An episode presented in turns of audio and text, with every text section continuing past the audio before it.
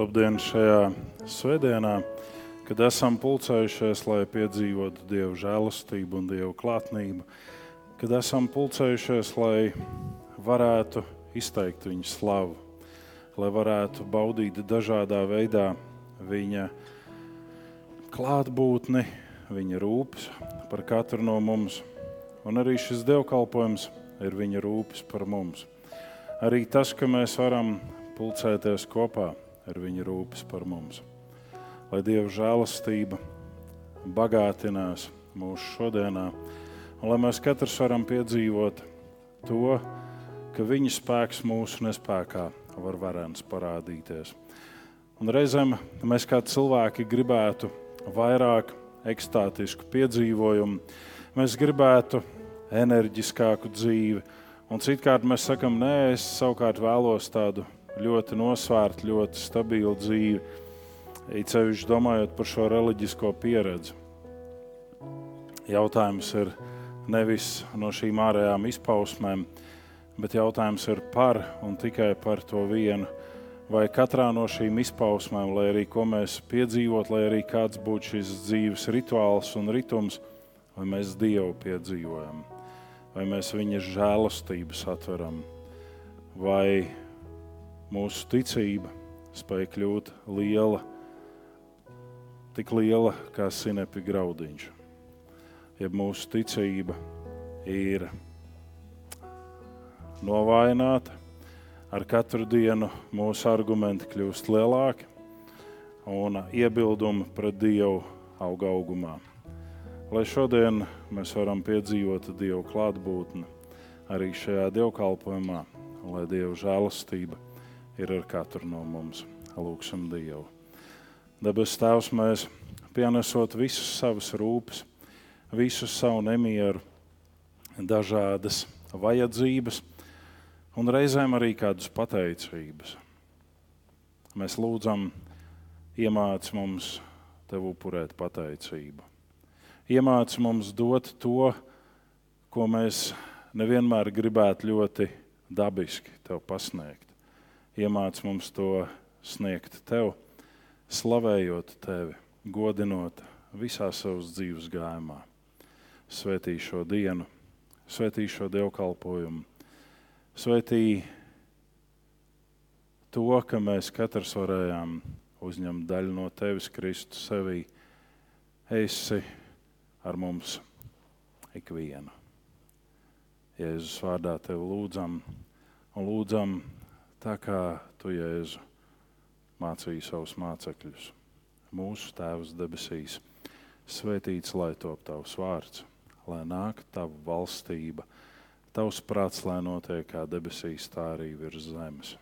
Mūsu dienascho maizi dod mums šodien, un piedod mums mūsu parādus, kā arī mēs piedodam saviem parādniekiem, un neieved mūsu kārdināšanā, bet atpestī mūs no ļaunā jo tev pieder valstība, spēks un gods mūžīgi mūžos. Āmen. Āmen. Lai Dieva žēlstība valda un vada šo dienu, dziedāsim.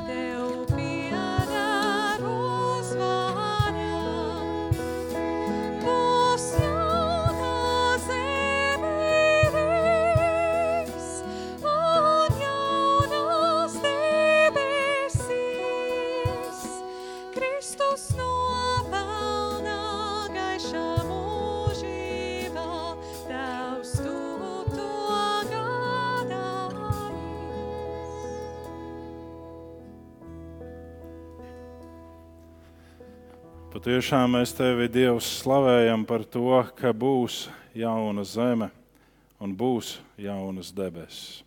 Ka būs viss, ko tu esi solījis, un tas piepildās. Paldies, ka mēs varam uz tevi paļauties, un ka tas ir mūsu ticības drošais ankurs. Tavi apsolījumi, tavs vārds un visa šī godība ar kuru tu piepildi mūsu dzīves gājumu. Dod mums izprast tavu vārdu, dod mums necīnīties pret tevi. Lai tev nebūtu jāsaka tie vārdi, kurus reiz tu teici, cik ilgi tu domā pret dzenskrūvi spirināties. Jēzus vārdā lūdzam, esi ar katru no mums. Āmen! Šajā brīdī lasīsim kopā Dievu vārdu Mateja evaņģēlijas 5. nodaļa, 43. līdz 48. panti. Mateja evaņģēlijas 5. nodaļa, 43 līdz 48. Jūs esat dzirdējuši, ka ir sacīts, mīli savu tuvāko un īsti savu ienaidnieku, bet es jums saku, mīliet savus ienaidniekus un lūdziet par tiem, kas jūs vajā, ka jūs topat savu debesu tēvu bērni. Jo viņš liek saulē uzliekt pār ļauniem un labiem un lietum līt pār taisniem un netaisniem. Ja jūs mīlat tos, kas jūs mīl, kāda alga jums nākas, vai arī muitinieki nedara tāpat. Ja jūs sveicinat vienīgi savus brāļus, ko gan īpaši jūs darat, vai arī pagāni nedara tāpat, tad nu topiet pilnīgi kā jūsu debesu Tēvs ir pilnīgs. Āmen. Āmen.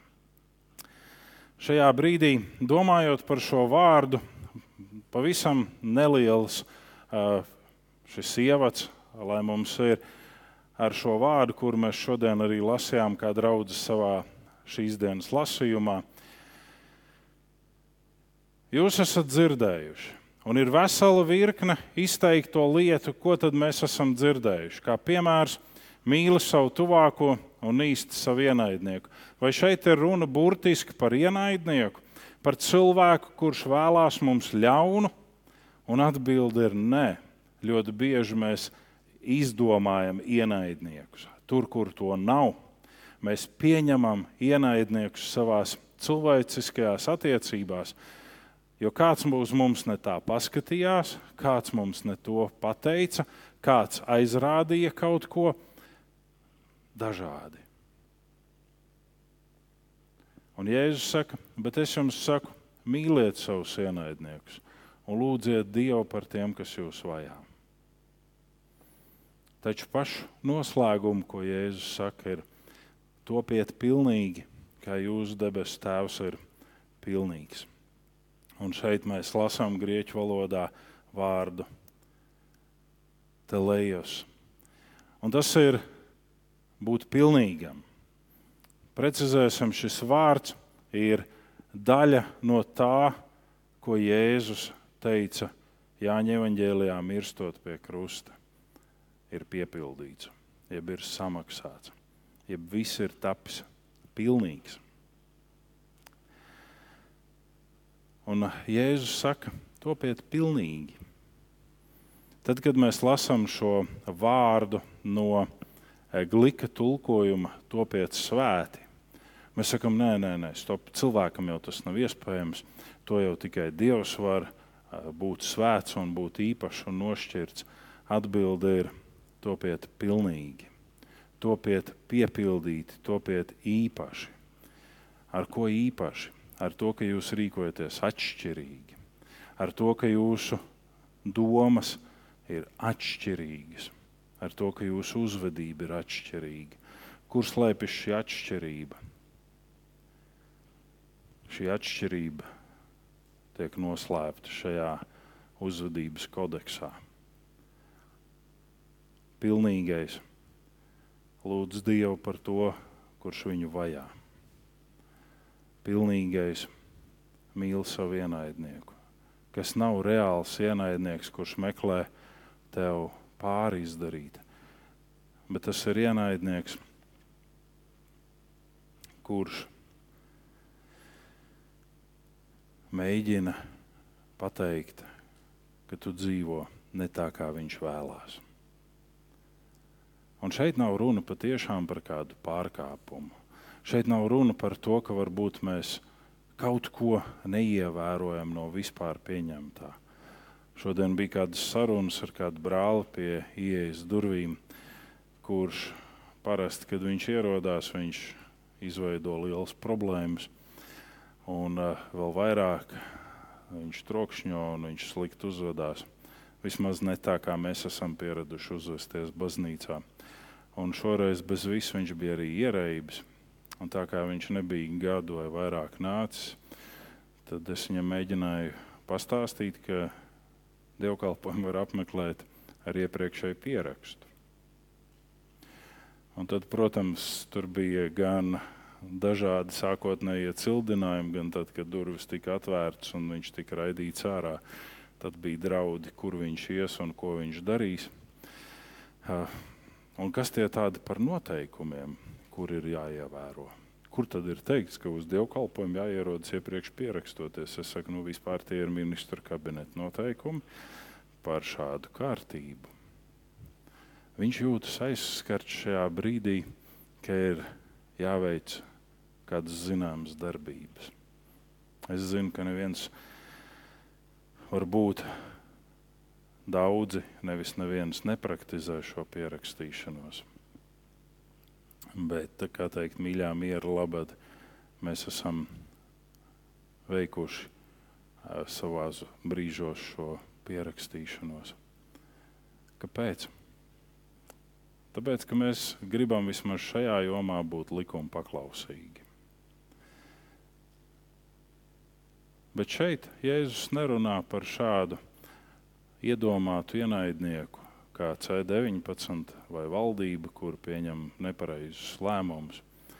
Jēzus runā par tādu brāli vai māsu, kuri mēģina pateikt, ka tas, ko tu dari, tas ir nepareizi. Un es zinu, piemēram, situācijas, kurās savā laikā, kad dievkalpojumos kādā varbūt aizgrābtības brīdī kāds pacēla rokas, tad kāds cits mēģināja tās rokas spiest uz leju, jo tas nebija pieņemams šajā vidē un vietā. Un tad bija lielie jautājumi par to, vai tas cilvēks ir normāls, ka viņš paceļ rokas vai viņa. Tam nav starpība. Jūs saprotat, ka mēs esam cīnījušies par lietām, vai nu kuras mēs neesam īsti izpratuši, vai nu kas nav būtisks bet ir lietas, kuras ir būtiskas. Un reizēm mēs sajaucam šo. Reizēm mēs sakām, tu man nedrīkst aizrādīt, jo tad tu man tiesā, tad, kad es aizrādu būtisko. Bet tad, kad es aizrādu nebūtisko, un ļoti bieži tieši šīs nebūtiskās lietas ir tās, kas mūs padara par ienaidniekiem. Mēs svinam vakarēdienu šādā veidā, bet tas nav pareizi, kāds saka. Mēs kristiem cilvēku šādā veidā tas nav pareizi un sākās šīs cīņas. Un Jēzus saka, nāks diena, kad divi vai trīs vienā namā naidosies viens pret otru. Un šeit ir runa par šiem iedomu ienaidniekiem, kuri saceļās viens pret otru, kuri cīnās viens pret otru. Un Jēzus saka, mīli savus ienaidniekus, mīli savus radiniekus, kuri nevienmēr domā tāpat kā tu un kuri tādēļ, ka viņi domā atšķirīgi, kļūst par taviem ienaidniekiem kaut kādā brīdī. Lūdz Dievu par tiem, kas apkārtējai radu saimē stāst visādas blēņas par tevi. Lūdz Dievu par tiem ticīgajiem, kuri izstumi tevi no savu vidus, domājot, ka tā viņi dievam kalpo. Ne? Un tad tu kļūsi pilnīgs caur šo rīcību tu kļūsi pilnīgs, caur šo uzvedību. Jēzus kādā citā vietā saka, aiciniet ciemos tos, kuri nekad jūs neaicinās ciemos, tāpēc ka viņiem nav tādas iespējas. Parasti mēs aicinām ciemos tos, kurus mēs zinām, ka viņi arī kādā brīdī var mūs uzaicināt. Parasti mēs sveicām jubilejās tos, kuri sveic arī mūsu. Un citkārt man pat ir nācies dzirdēt, ka cilvēki mēģina salīdzināt tās dāvanas. Ko es uzdāvināju kādam un ko kāds uzdāvināja man, un vai šīs dāvanas ir ekvivalentas. Es domāju, ka tas ir lieki, jo šeit ir mums runāts par mīlestību patiesajā tās formējumā. Un tas tiek uzticēts mums ikvienam ir vīrs un sieva, kuri, tad, kad viņi precās, viņi viens bez otra nevar dzīvot. Un tad paiet laiks, un viņi vairs nevar viens ar otru dzīvot. Viņi kļūst par ienaidniekiem. Un Jēzus saka, mīliet savus ienaidniekus. Un ir bērni, kuri apsūdz vecākus nepareizā audzināšanā vai ne tādā attieksmē. Un Jēzus saka, lūdziet Dievu par tiem, kas jūs vajā ka jūs topat savu debesu tēvu bērni. Un mums ir grūti gan kā individiem draudzē, gan kā draugu apvienībā, gan kā kolektīvā darba, gan kā ģimenē. Visas šīs vietas ir tādas, kas prasa mums savu nostāju un savu mīlestību, lai mēs taptu pilnīgi. Un lai Dievs svētī, ka arī tālāk ejot šajā dienā, mēs šo pilnību varam vairot un mantot. Debes Tēvs, mēs lūdzam Tev par mūsu mīļajiem, mēs lūdzam par tiem, kas ir sasirguši, kuri nevar būt mūsu vidū. Mēs lūdzam, lai Tava žēlastība ir ar katru, lai Tava žēlastība pieskarās ikvienam. Mēs lūdzam, lai Tava mīlestība ir tā, kas vairojas. Ja tavs vārds māca, kur vairojusies sodība, tur jāvairojas arī mīlestība, mīlestībai. Kur vairojas grēks, tur jāvairojas šai tavai svētībai. Un tādēļ mēs visu sev uzticam tavai aizsardzībai, tavai svētībai, tavai žēlastībai. Lūdzot, lai Tu esi tas, kas mūs vada ikdienas uz pilnību. Ka tu esi tas, kurš audzina mūs, māca mūs. Un lai arī cik smagi ir tie brīži mūsu dzīves gājumā, ka mēs varam tapt stipri tevī un stipri pieķerties tev visā savas dzīves gājumā. Mēs lūdzam par mūsu mīļajiem, kas nevar būt šodien šeit, darba, neveselības, dažādu citu iemeslu dēļ. Pieskaries ikvienam no šiem. Un lūdzam, lai tavs spēks viņu dzīvēs var varens parādīties. Mēs lūdzam par mūsu mīļajiem, kuri nepazīst tevi. Un Jēzus vārdā mēs piesaucam tevi un lūdzam, esi mums žēlīgs.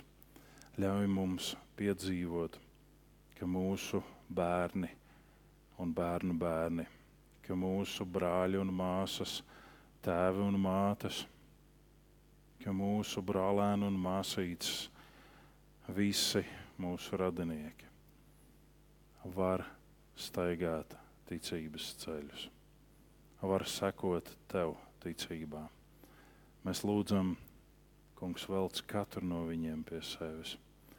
Velc un neļauj nekam nostāties starp viņu, viņiem un tevi. Bet lai Kristus izlietās asins var šķīstīt katru no šiem cilvēkiem, var svētīt viņu dzīves gājumu, var atbrīvot viņu domu pasauli no dažādiem šiem samurgojumiem un mistrojumiem. Mēs to lūdzam Jēzus vārdā. Svētī mūsu ikvienu.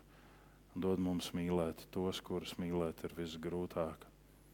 Dod mums lūgt par tiem, par kuriem aizlūgt ir vissmagāk. Lai tavs vārds var godināts tik caur mūsu dzīvi. Āmen!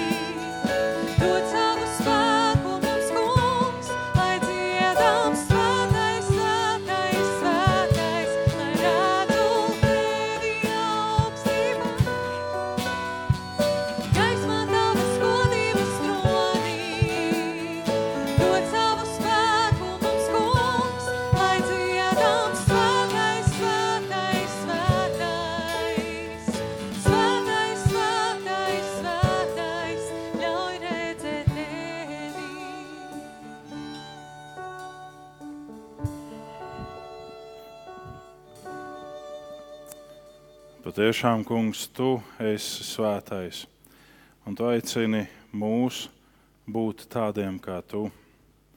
Tu aicini mūs būt nošķirtiem no ļaunā, no viltus. Tu aicini mūs būt tavai līdzībai šeit virs zemes.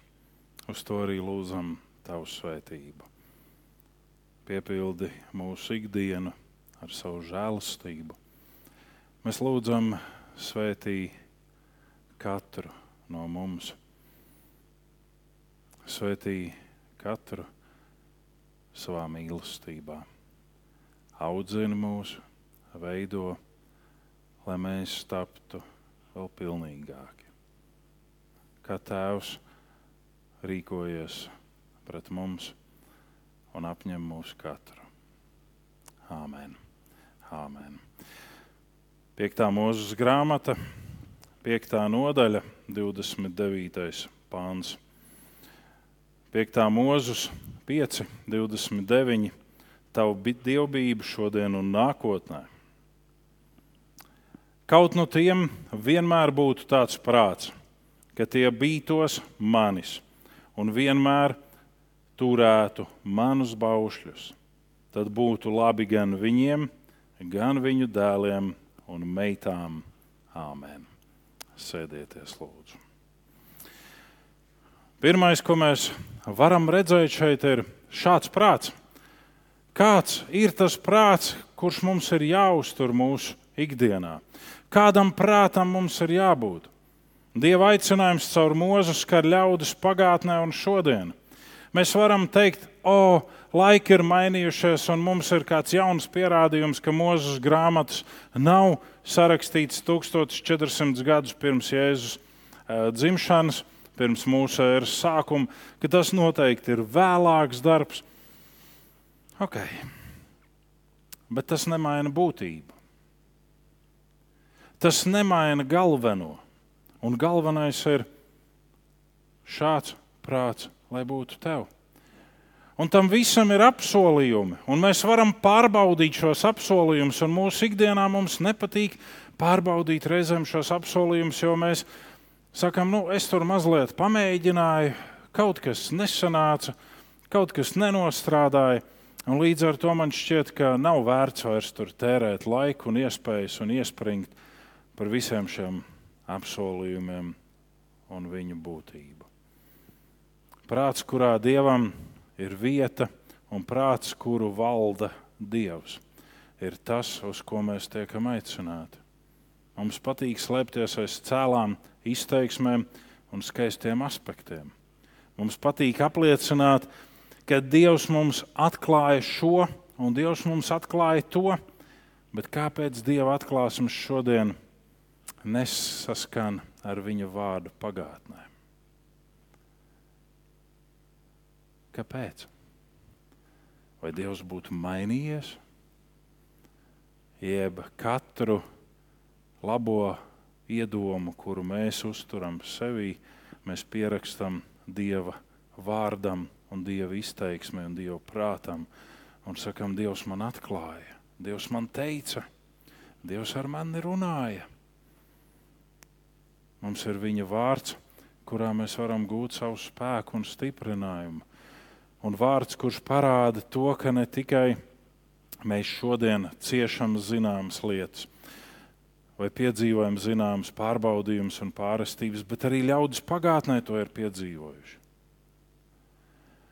Mēs varam šodien skatīties Dieva vārdā un saprast, ka tie prieki, kas ir bijuši daudziem ļaudīm dažādos laikos, ka tie prieki skar arī mūsu šodienu un ka ļaudis nebija pateicīgi kādreiz un nav pateicīgi šodien. Es esmu daudz domājis par šo upuri, ko mēs pienesam svētajā vakarēdienā, sakot, eh, mēs upurējam tev, tavu mīļotā dēla, miesu un asins. Un es esmu apstājies pie tā, jā, mēs varam upurēt, bet tikai tad, ja mēs upurējam arī pateicību. Jo Dieva vārds saka, ka pateicību upurēt, tas mani tur godā, un pateicību upurēt šodien ir viens no visgrūtākajiem aspektiem. Mēs varam upurēt jebko. Ja mums ir pienācīgi daudz līdzekļu, mēs varam skaitīt baznīcas kontā milzu ziedojumus un teikt, mēs taču darām labu darbu, mums ir upuris. Mēs varam uzkopt baznīcas telpas, mēs varam nodarboties ar dažādu veidu kalpošanu, kas šobrīd ir nepieciešama. Tikai neliec mums pateicību upurēt. Un Dieva vārds saka, kas pateicību upurē, tas mani tur godā. Kas pateicību upurē. Vai tad, kad mēs ejam pie svētā vakarēdiena, vai mēs upurējam šo pateicību, ka mēs esam šķīstīti Jēzus Kristus asinīs, ka mēs esam dziedināti viņa nopelnā. Un tad, kad mēs sakām, jā, bet man ir bijušas kādas kaitas, kuras nav dziedināts, Jā, bet ziniet, arī man ir kāds skaits, kurš varbūt vēl šodien nav dziedināts, vai tāpēc man nepateikties Dievam. Šodienas viena no manām lūkšanām bija Dievs, piedod, ka es biju tāds muļķis un es nezināju zināmas nianses savā dzīvē. Un es domāju, ka tas, kas ir sagrāvis manu autoimūno sistēmu, ir tikko vaks vakcīna pret ērču encefalītu. Jo tās ir blaknes šai vakcīnai. Un savā laikā Es domāju, ka zinātnē patiešām strādā manā labā. Ka cilvēki patiešām rūpējās par manu veselību, lai tie mazie kukainīši man neizdarītu pāri. Un tad, paiet laikam un gadiem, tu sāc pētīt un saprast, var būt, ka vienīgais, kuram vakcīnas un zāles palīdz, ir izplatītāji un ražotāji. Pārējiem kaut kā neliekās. lai kā tas arī būtu, lai cik dīvaini tas izklausītos. Un man ir jāsaka, Dievs, piedod man, nu biju jauns un muļķis, nu skrēju un darīju tādas lietas. Un šobrīd jau kurie gadi iet, ka man ir ļoti labas antivielas un man nav jāveic nekādas revakcīnas, paldies Dievam, lai nebūtu jānograuj vēl kaut kas. Un domāju, ja pat tie kukainīši man sakodīs, nu, ko tad es varu darīt? Nu, garšīga gaļa man ir. Es ēdu kādu ceptu gaļiņu, šašlikiņu. Nu, ērcis arī grib šašlikiņu, tāds liels šašliks. Ne? Ko tad darīs? Bet tad mēs nonākam pie tā, ka mēs sakām, jā, man ir bijušas kādas veselības kaitas, un es esmu lūdzis Dievu. Un, nekas nav risinājies. Un, un, nē, nē, nē, tur kaut kas ir savādāks. Vai mēs uzticam savu prātu Dievam? Un vai mēs uzticot savu prātu Dievam, sakam, Dievs, lai tavs prāts notiek, lai tavs prāts īstenojās, lai tavs prāts pilnveidojās. Es gribu, bet Otrā lieta, kuru mēs skatījāmies pagājušajā nedēļā, lūkšanās, un arī šajā nedēļā, ko mēs skatāmies lūkšanās, ir par šo Annu, kas ir Samuēla mamma. Un Anna Samuēla mamma saka, Dievs, ja tu darīsi, tad būs arī mana rīcība.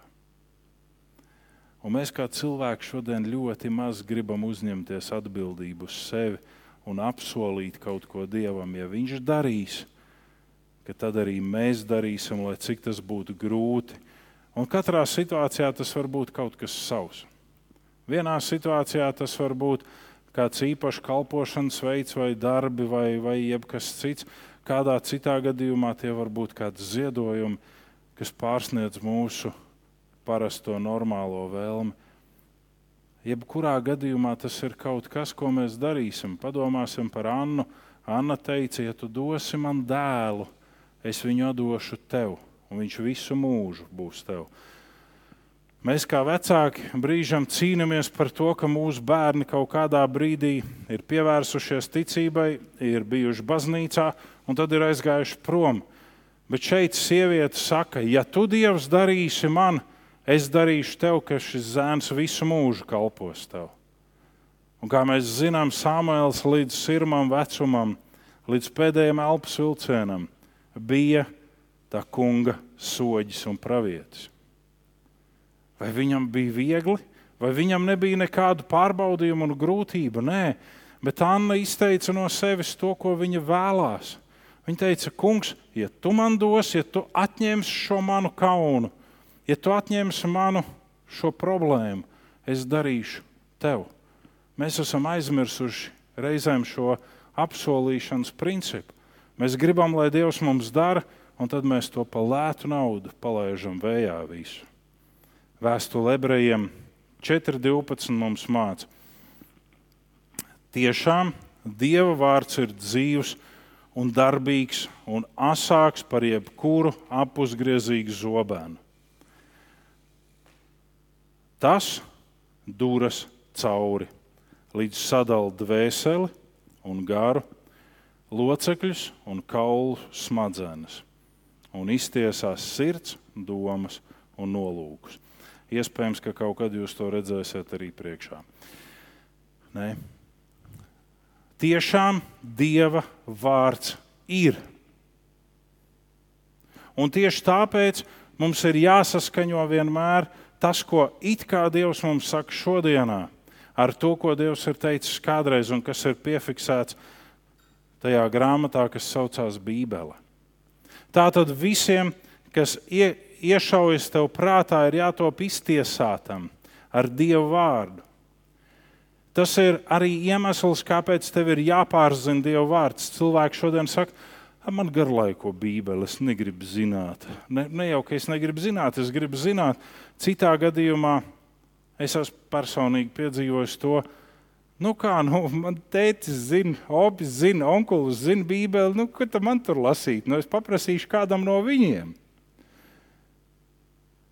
Bet jūs zinat to, ka arī katram no mums ir mazliet atšķirīgs redzējums par to, kas tur ir rakstīts. Es nedomāju, ka radikāli, bet ir kaut kādas atšķirības. Un tad, kad jūs lasat Bībeli, jums ir savas atšķirības, mazliet, kuras jūs redzat. Bet šeit ir skaidri un gaiši teikts, ka Dieva vārds ir tas, kurš iztiesā to, kas iešaujas prātā. Tāpēc ir jāpārzina tev Dieva vārds un ir jāsaprot, vai tas, kas tev iešāvās prātā, patiešām saskana ar šo Dieva vārdu vai nē. Šodien mēs varam sastapt Kristus mācekļus, kuri nepārzina vārdu, bet dzīvo un ir pildīti ar to, ko kāds kaut kur teica. Šodien tiek teikts šis, un rīt tiek teikts tas, bet Dieva, Dievs tiek tikai pieminēts, lai atbilstu uzstādījums ka mēs taču esam Kristus sekotāji. Kāds cilvēks man paziņoja brīnišķīgu vēstu. Es biju pie zīlnieces, un viņa teica, ka tu esi labs mācītājs, ka labi, ka es eju pie tevis uz konsultācijām. Saku, hei, super! Vai nav kaut kas labāks pasaulē par zīlnieci, kas atzīst, ka mācītājs ir labs? Un atbilde ir viena. Neatkarīgi no tā, ka šī zīlniece teica, ka es esmu labs mācītājs, šī zīlniece nav no dieva. Un astrologi nav no dieva. Un pūšļotāji, vārdotāji un visādi citi dīvaini nav no dieva. Kāpēc? Tāpēc, ka raksti par to ļoti skaidri runā cilvēki nevar savu dzīvi vadīt, ja viņi nesaskaņo zvaigžņu stāvokļus. Es nezinu, vai es varēšu rīt eh, strādāt, jo es nezinu, kā zvaigznes atradīsies. Un es pazvanu astrologam, un viņš saka, nē, nozīmīgs lēmums nevar pieņemt, bet darbs ir ļoti nozīmīgs lēmums. Līdz ar to es nevaru iet uz darbu. Es nevaru pieņemt šo lēmumu strādāt. Un parīt es pamostos, un tā kā ir spiedoša vajadzība, bet es nezinu, vai es drīkstu iztukšot sevi, jo tas ir ļoti nozīmīgs lēmums. Varbūt man ir visam jāpaliek manī. Jāsazinās ar astrologu, ko viņš saka. Jūs sakat, es esmu cīnisks un es sarkastiski ņirgājos. Kaut kādā mērā jā. Jo vienkārša ticība dievam cilvēkam kļūst liekas un kļūst par sarežģītu. Bet mājiņticība numerologiem, astrologiem un citiem logiem tur viss rullē. Neatkarīgi no tā, kādas muļķības šie cilvēki stāsta. Neatkarīgi no tā. Un galvenais ir, ka šie cilvēki piemin kaut ko dievišķu. Galvenais ir, ka šie cilvēki pasakā, bet es ar baznīcas svētību to visu daru. Jēkabā vēstule, pirmā nodaļa, 22. un 24. panti mums saka, topiet par vārda darītājiem, nevis tikai klausītājiem, kas paši sevi pieviļ. Ja kāds ir vārda klausītājs, bet nav tā darītājs, tāds līdzinās vīram, kas lūkojas uz savu paša vaigu spogulī, pavērojas sev, viņš aiziet un tūlīt aizmirst, kāds viņš izskatījies. Topiet par vārda darītājiem. Kā mēs varam tapt par vārdu darītājiem, ja mēs vārdu nepārzinām? Un ja mēs ļoti selektīvi pieķeramies vārdam, piemēram, ārkārtīgi liels cepiens baznīcā ir par to, vai sievietēm vajadzētu nākt ar lakatiņiem vai nē. Jo taču apustulis Pāvils saka, ka sievietēm ir jāliek galvas sega, ja viņas grib runāt un, un darboties un, un visu pārējo darīt. Un līdz ar to es arī esmu tādās sprukās, vai turpmāk visiem mūziķiem, meitenēm izdalīt lakatiņus vai šalles, ar ko aptīt galvas. Nu, ko darīt? Un atbilde ir ļoti vienkārša. Lasiet to nodaļu drusku iepriekš un mazliet pēc. Tur ir ļoti skaidri pateikts. Un tur ir teikts, ka katra vīra galvas rota ir Kristus, un katras sievas galvas rota ir vīrs. Tur ir pateikts. Lai kā mums tas grūti nāktos, lai kā mums tas nepatiktu, bet tur ir pateikts šī subordinācija. Un reizēm jau liekas, ka to lakatu uzsiet galvā ir pats vienkāršākais, bet būt paklausīgai tam vīram ir pats sarežģītākais. Nē. Un vieglāk ir spuroties pretīm un teikt, ka es staigāšu lakatā, vai kāpēc man ar lakatu ir jāstaigā apsektai galvai. Bet grūtāk ir subordinēt vīram. Mēs nonākam pie otrā - dievbijība un likuma paklausība. Dievbijība un likuma paklausība ir mūsu otrais lielais punkts. Pirmkārt, mums jāpieņem, ka runa nav par cilvēku sniegtiem likumiem, bet dieva likumiem. Tik tālu, cik dieva likums netiek ignorēts no vispārējiem likumiem, tikmēr viss ir ļoti labi. Ko darīt tad, ja cilvēku likumi sāk uzkundzēties un pārspēt dieva likumus? Man šķiet, ka ļoti klasisks piemērs ir apstuļi, Jēzus mācekļi, kuri apstuļu darbu grāmatā 5. nodaļā, 28. līdz 31. panti saka, vai tad mēs jums stingri nepavēlējām nemācīt šajā vārdā, tas ir Jēzus Kristus vārdā, to saka Sinedrijas. Bet jūs redzi, esat piepildījuši Jeruzalem ar savu mācību, un jūs gribat, lai šī cilvēka, tas ir Jēzus asins, nāk pār mums. Atbildot Pēters un apstuļi sacīja, Dievam jāklausa vairāk nekā cilvēkiem Mūsu tēvu Dievs uzmodinājis Jēzu, ko jūs nonāvējāt, pakārdami pie krusta koka. Dievs ar savu labo roku viņu ir paaugstinājis par valdnieku un glābēju, lai Izrēlam dotu atgriešanos un grēku piedošanu. Apostols Pēters, kurš nu padās ir bijis piekauts, nopērts un ir atkal savažots, un viņam saka, Vai mēs tev neteicām? Un viņš saka, bet Dievam ir vairāk jāklausa. Vai mēs neesam noteikuši vienus ierobežojumus un citus ierobežojumus, un vēl kādus murgus, un vēl papildu murgus? Un atbilde ir, Dievam ir vairāk jāklausa. Kur ir mūsu problēma? Mūsu problēma ir atkarība. Mēs esam atkarīgi no daudz kā, izņemot ne no Dieva. Mēs esam atkarīgi no iepirkšanās, mēs esam atkarīgi no gardrobas maiņas, no bilžu maiņas, no visa kaut kā. Mums vajag kultūras dzīvi, augaļām grābt, bet mēs neesam atkarīgi no Dieva. Un tad, kad to visu mums paņem nost un saka, izdari tikai vienu nosacījumu, un tev viss tiks atdots, mēs esam gatavi zaudēt galvu. Jēzum teica, izdari šo vienu, un tu iemantosi visu ko es tev rādu. Atcerieties, kurš to Jēzum teica. Un šie vārdi skan ļoti līdzīgi kā tie, kurus saka šodien mums.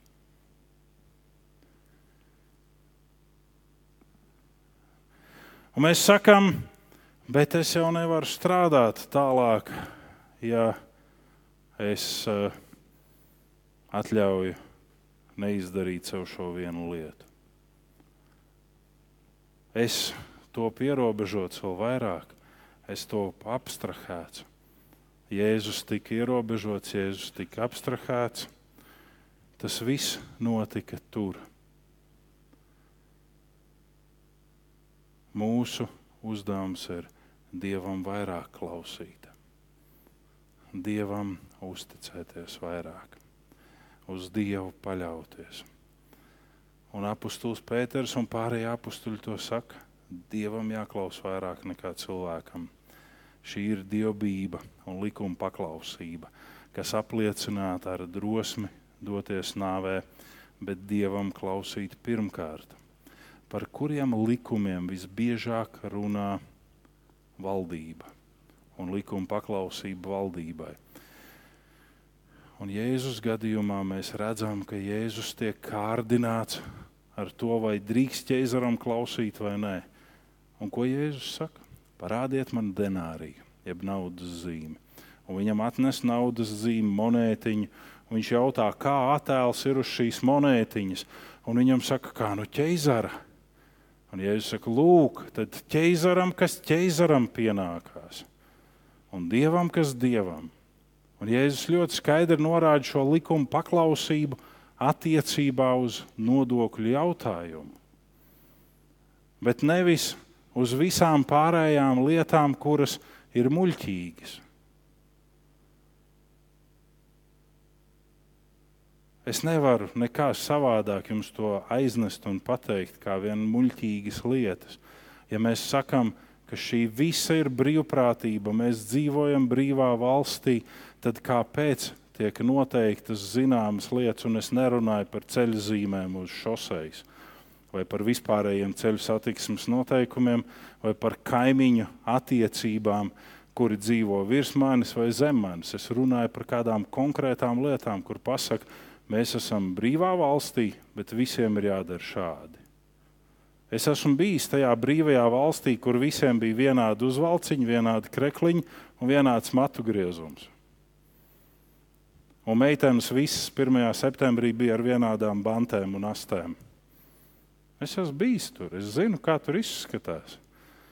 Un visiem bērniem ir vienāds piespraudītis, un ja kādam nav, tad saka, kāpēc tev nav? Nu, kā es izvēlos nebūt? Nē, lai tev vecāki ierodas skolā par ko mēs varam runāt, par kādu brīvību, par kādu brīvprātību, par kādu likumu.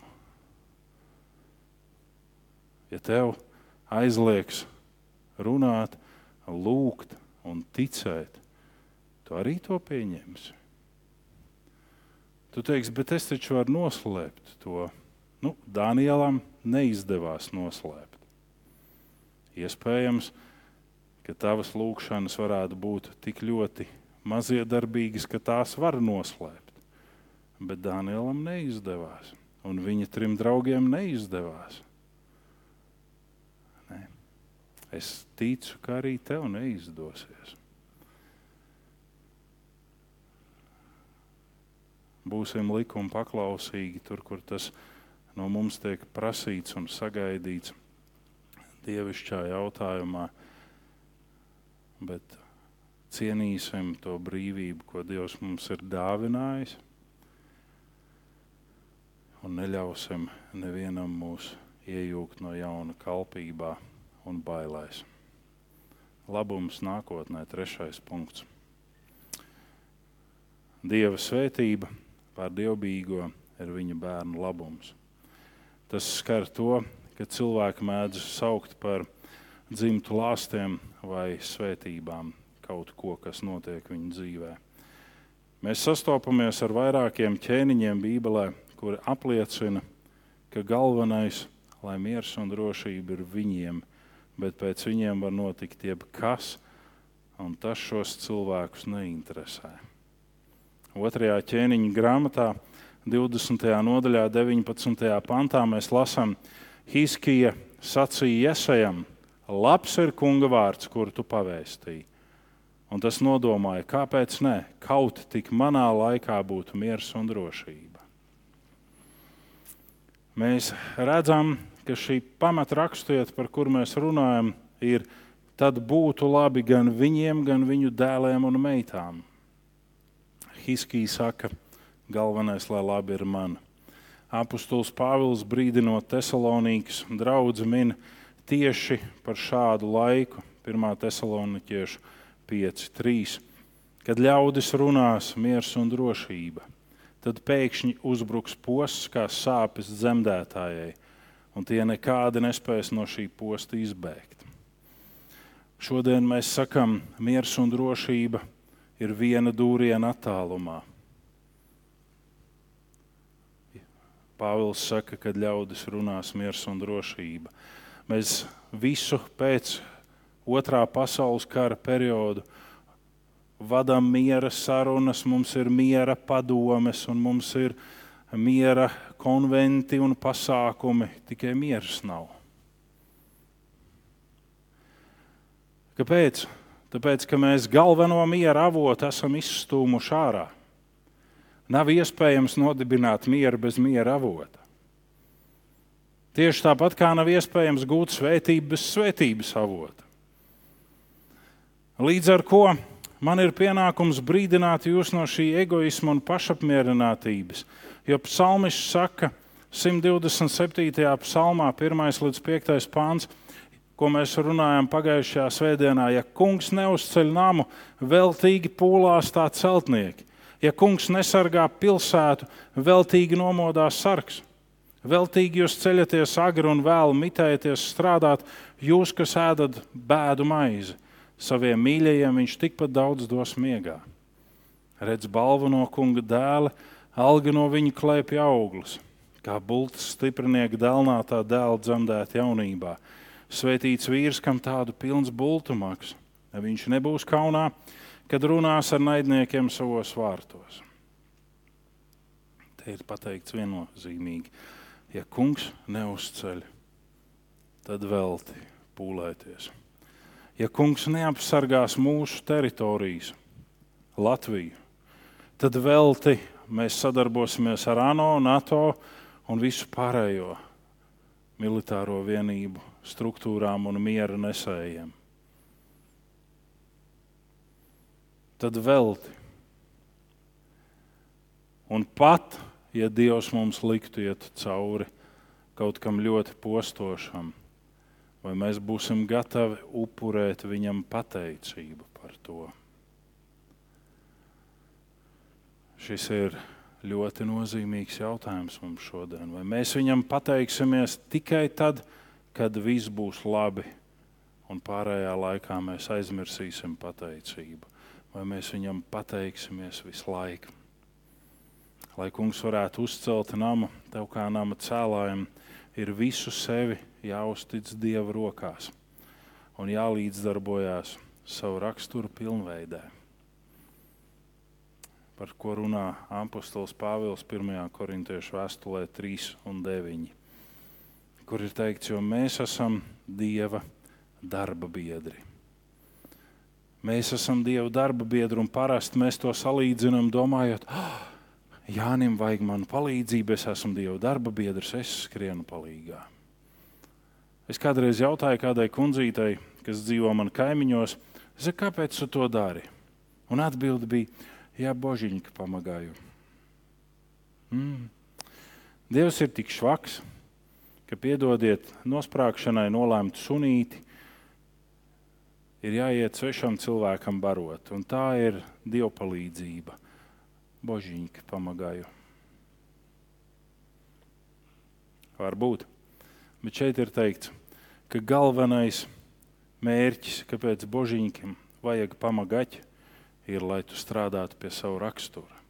Būt dieva sabiedrotais, būt dieva darba biedrs tajā, lai tu ļautu dievam mainīt savu raksturu lai tu ļautu Dievam darboties pie sevis.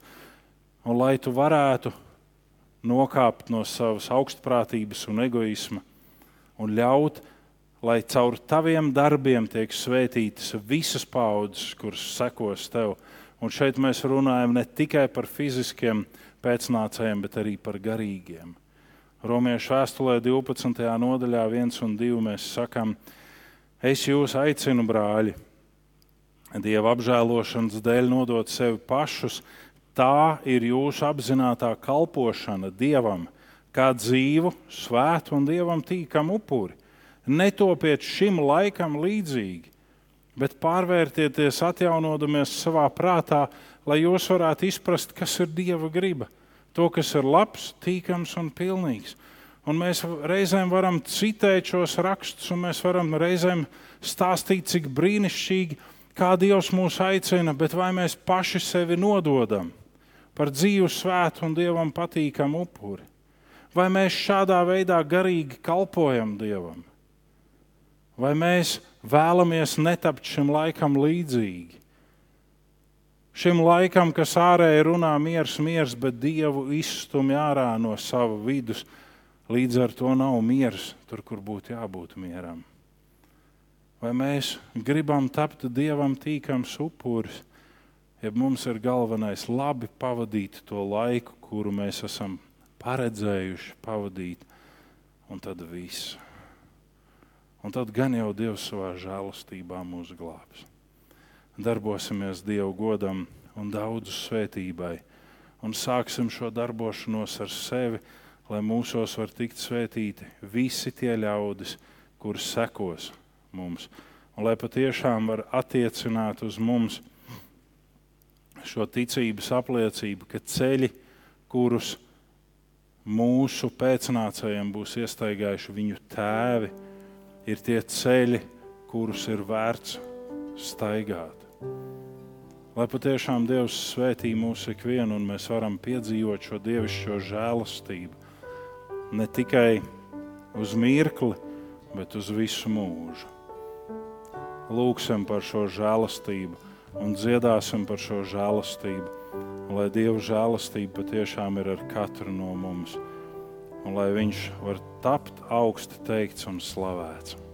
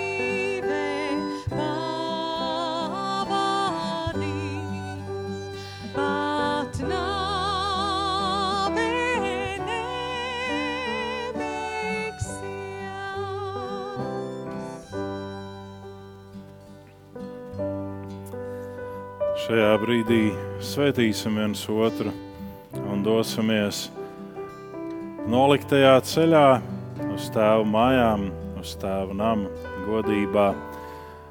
Tik cik Dievs mums katram būs lēms, tik skriesim šajās sacīkstēs tā, lai mēs gūtu godības balvu. Kungs tevi svētī un tevi pasargā. Kungs apgaismos savu vaigu pār tevi un ir tev žēlīgs. Kungs uzlūko tevi ar lapatiku un dod tev savu mieru. Āmen! Āmen. Silti un mīļi varat sveikt viens otru, bet pirms jūs to darat, es lūgtu jūs mazliet apsēsties uz īsu brīdi. Tas neaizkavēs ilgu laiku no jūsu dārgā laika. Maza polīta informācija. Pirmais par svēto vakarēdienu, par svecēm un par ziedojumu trauku. Tas atrodas foijē.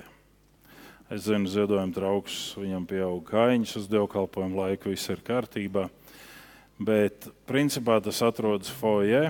Tad, kad mēs nākam uz dievkalpojumu, tur atradīsies viens no mācītājiem pie svētā vakarēdiena. Līdz ar to jūs varat saņemt vakarēdienu, un tas ir arī tāds plūsmas disciplinējošs aspekts, kur mēs varam nākt iekšā uz dievkalpojumu tālāk. Tā ir pirmā lieta. Lai jūs zināt, ka mūsu foijē logi ir caurspīdīgi, lai nebūtu pulcēšanās, ja citām draudzēm notiek pulcēšanās, lai notiek. Ja citiem dievkalpojumiem, kur notiek šajās telpās, ir milzu pulcēšanās, lai tas ir. Mēs mēģinām izbēgt plūsmu un tā panākt, ka mūsu neviens labvēls nevar nosodīt. Lūdzu, mēģināsim to ievērot. Es zinu, ka tas ir grūti. Es zinu. Un es zinu, ka jūs man varat pārmest un teikt, ka es esmu briesmonis, jo man ir padomas sēde, kurā es varu izrunāties, bet jums padomas sēde nav un jums nav ar ko runāt. Bet nu, varbūt tomēr mēģināsim. Mēs esam izdzīvojuši bez soda naudām un bez pārkāpumu atrašanas. Paldies Dievam, mēģināsim arī tālāk. Otrā lieta. Tad, kad mēs ienākam zālē, un tas ir pirms dievkalpojuma, mēģinam mazināt čalošanas prieku. Man tas netraucē, un tas nenozīmē, ka tas ir kāds rādītājs. Bet es zinu to, ka ir draudzes locekļi, kuri gribētu klusu, mierīgi sagatavot sev dievkalpojumam. Un tad, kad es redzu, ka viņu galvas sāk griezties 360 grādos, kā visaptvarošā uztvērē kamera, tad es saprotu, ir jārēģē un ir jāiet kušināt kādi.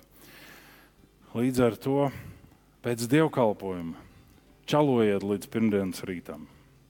Es durvis aizslēgšu, tas nekas jūs tiksiet ārā savādāk. Šīs durvis atverās ne, bez atslēgām. Eh, bet uh, pirms dievkalpojuma nu, mēģināsim arī paši ievērot to, ka mēs gribam, lai Dievs runā uz mums. Un nevis runā tā, ka mēs topam aizvainot, un pēc tam veselu nedēļu vai divas pukstam uz Dievu un rādām viņam dūrītes un sakam, tas mācītājs ir muļķis, ka viņš tā mums runāja. Bet ka Dievs patiešām mūs uzrunā. Un, lai Dieva žēlastība ir ar katru no mums šajā dienā un katrā nākamajā dienā, tādēļ baudīsim Dieva žēlastību un ļausimies šai Dieva žēlastības vadībai, bet nebūsim kā tie, kas aizbloķē šo žēlastību ka tā nevar īstenoties. Ja? Jo mēs esam kopiena un mēs respektējam viens otru. Mēs pačalojam, mēs parunājamies, bet respektēsim viens otru. Labi, lai Dievs svētī.